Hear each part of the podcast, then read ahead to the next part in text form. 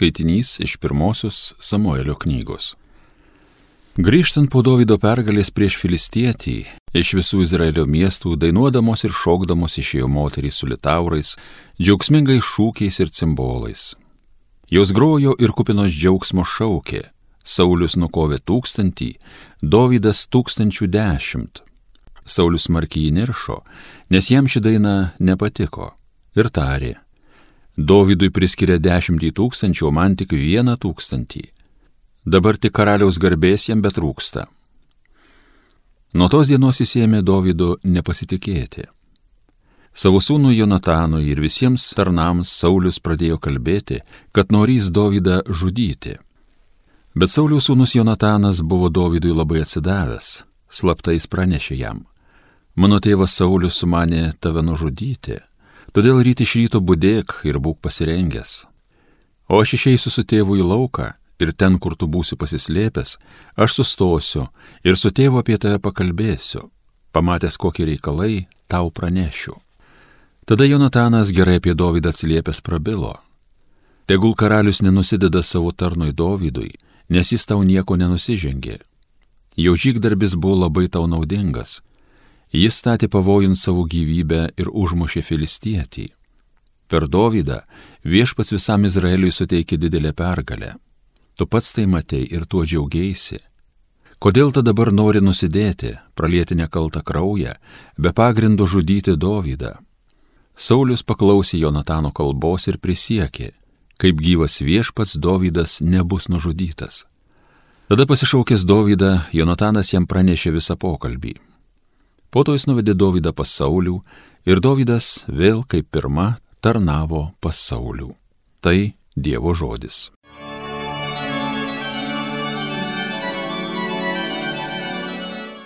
Dievo aš remiuosi ir nebijosiu. Pasigailėk manęs Dieve, žmonės sutrypt mane nori, vargina vis puldinėja, be paliuvos mane niekina priešai, daugybė jų mane puola. Dievo aš remiuosi ir nebijosiu. Tau žinomas visas trimties mano kelias, odmaišiai surinktas mano ašaras saugai. Argi knygose tavo jos nesurašytos, todėl mano priešai atgal tuoj trauksis, kai tik tavęs šauksiuos. Dievo aš remiuosi ir nebijosiu. Juk aiškiai žinau aš, mane Dievas užstoja, Dievu, kurio žodžiais didžiuojus, viešpačiu, kurio žodžiais giriuosi. Dievo aš remiuosi ir nebijosiu. Tuo Dievo aš remiuosi ir nebebijosiu. Ką žmogus man galės padaryti? Aš turiu Dievę vykdyti įžadus tau padarytus, tau padėkos auką aukosiu. Dievo aš remiuosi ir nebijosiu.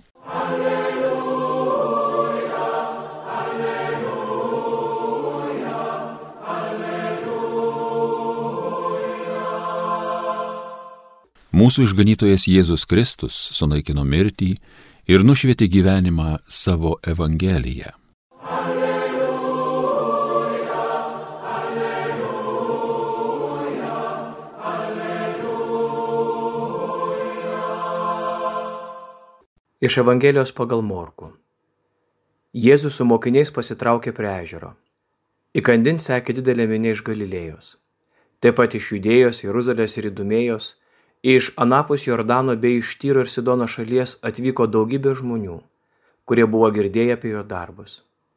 Tuomet Jėzus liepė mokiniams laikyti jam paruoštą valtį, kad minė jo nesuspaustų. Matys buvo daugelį pagydęs ir visi, ką tik vargino lygos, veržėsi norėdami prisiliesti. Taip pat netyrosios dvasios. Vos tik jį išvydusios parpuldavo priešais ir šaukdavo, tu Dievo sūnus. Bet Jėzus griežtai jas drausdavo kad jo negarsintų.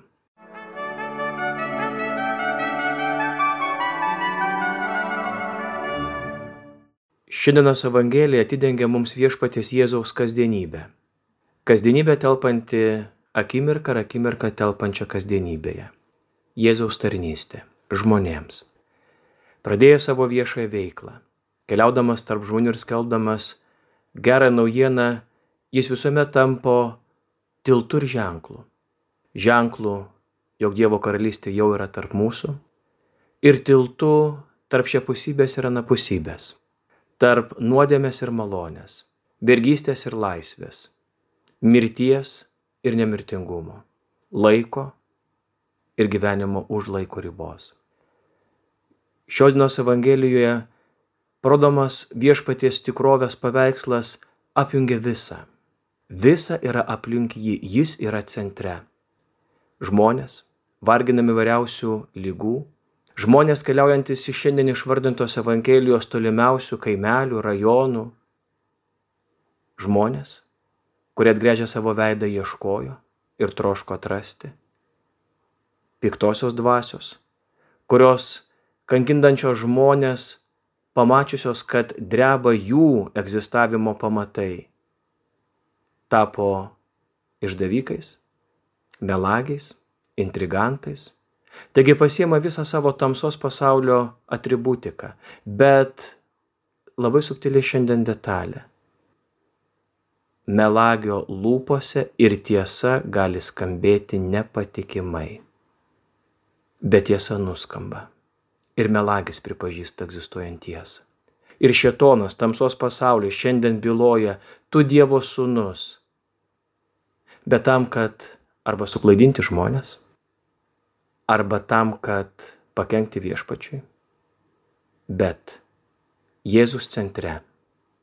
Jo ištartas žodis griežtai drausdavo, kad jo negarsintų. Ir visi paklusdavo.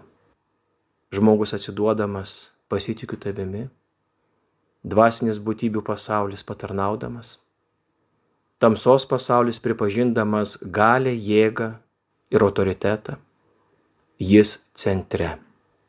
Šiandien Evangelijos viešpats yra centre. Taip, Jėzus tampa žinoma žmonių tarpe.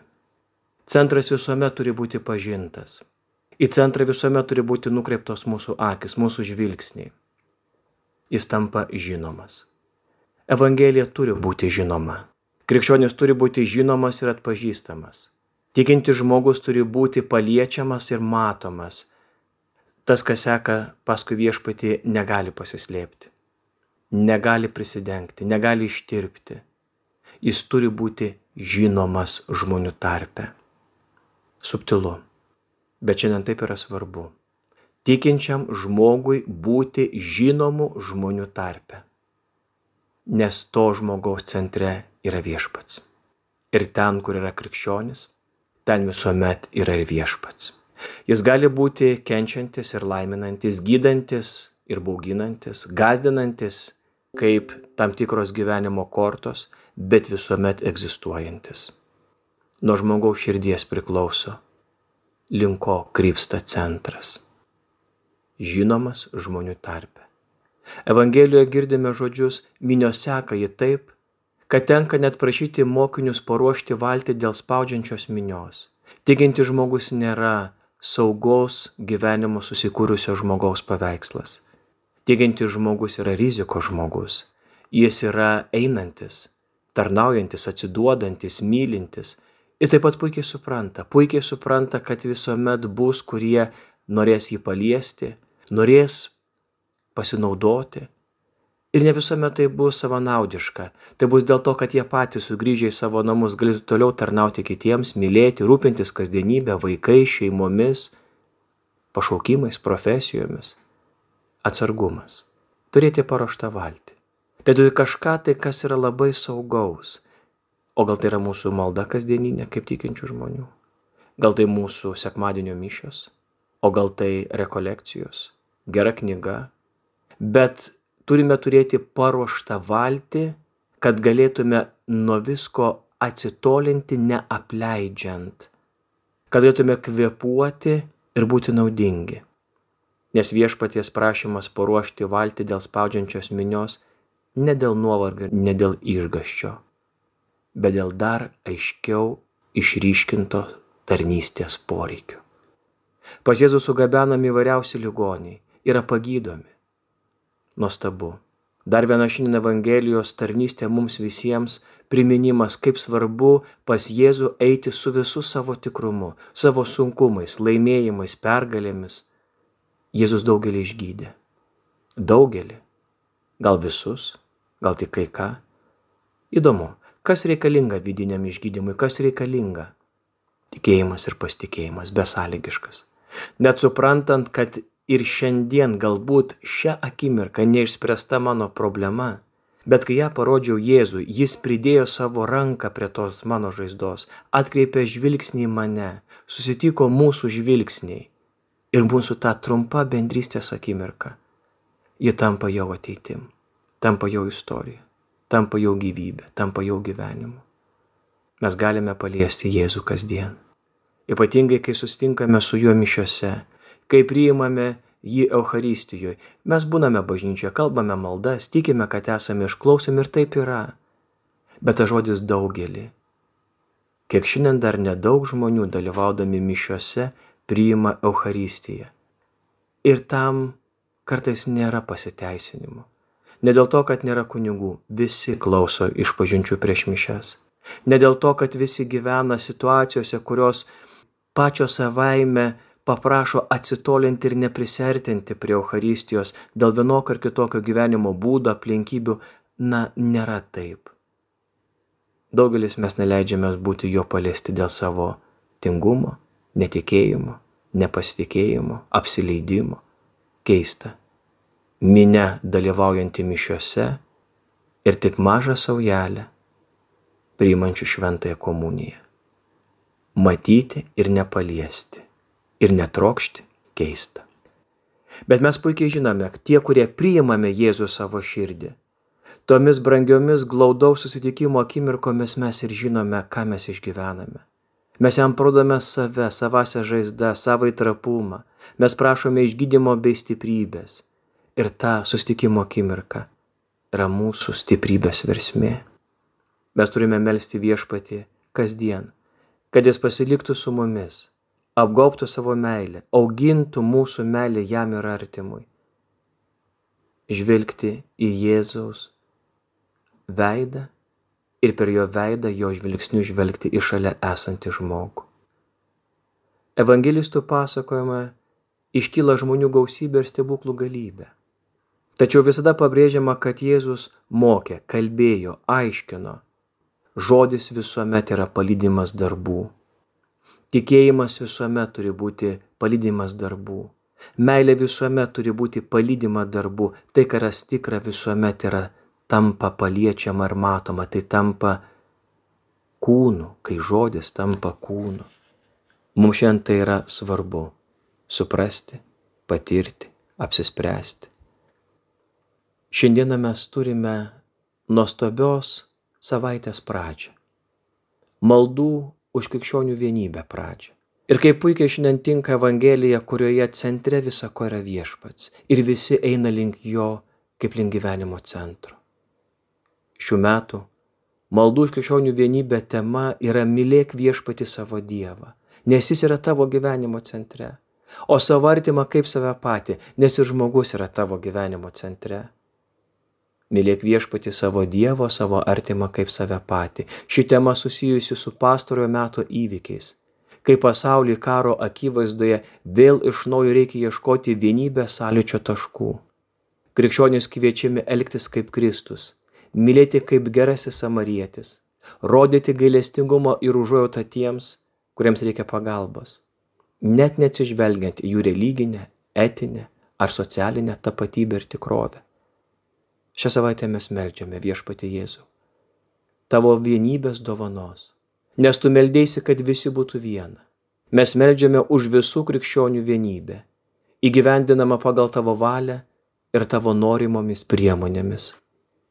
Tegul tavo dvasia leidžia mums patirti atsiskirimo kančią, pamatyti savo nuodėmę ir turėti viltį, pranokstančią bet kokią viltį.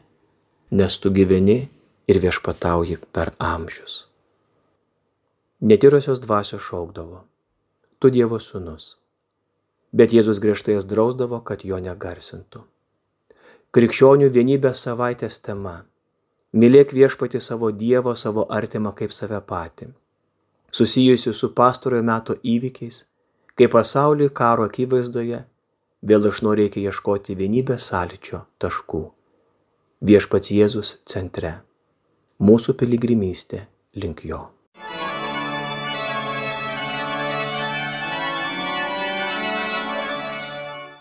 Homiliją sakė kunigas ričardas doveika.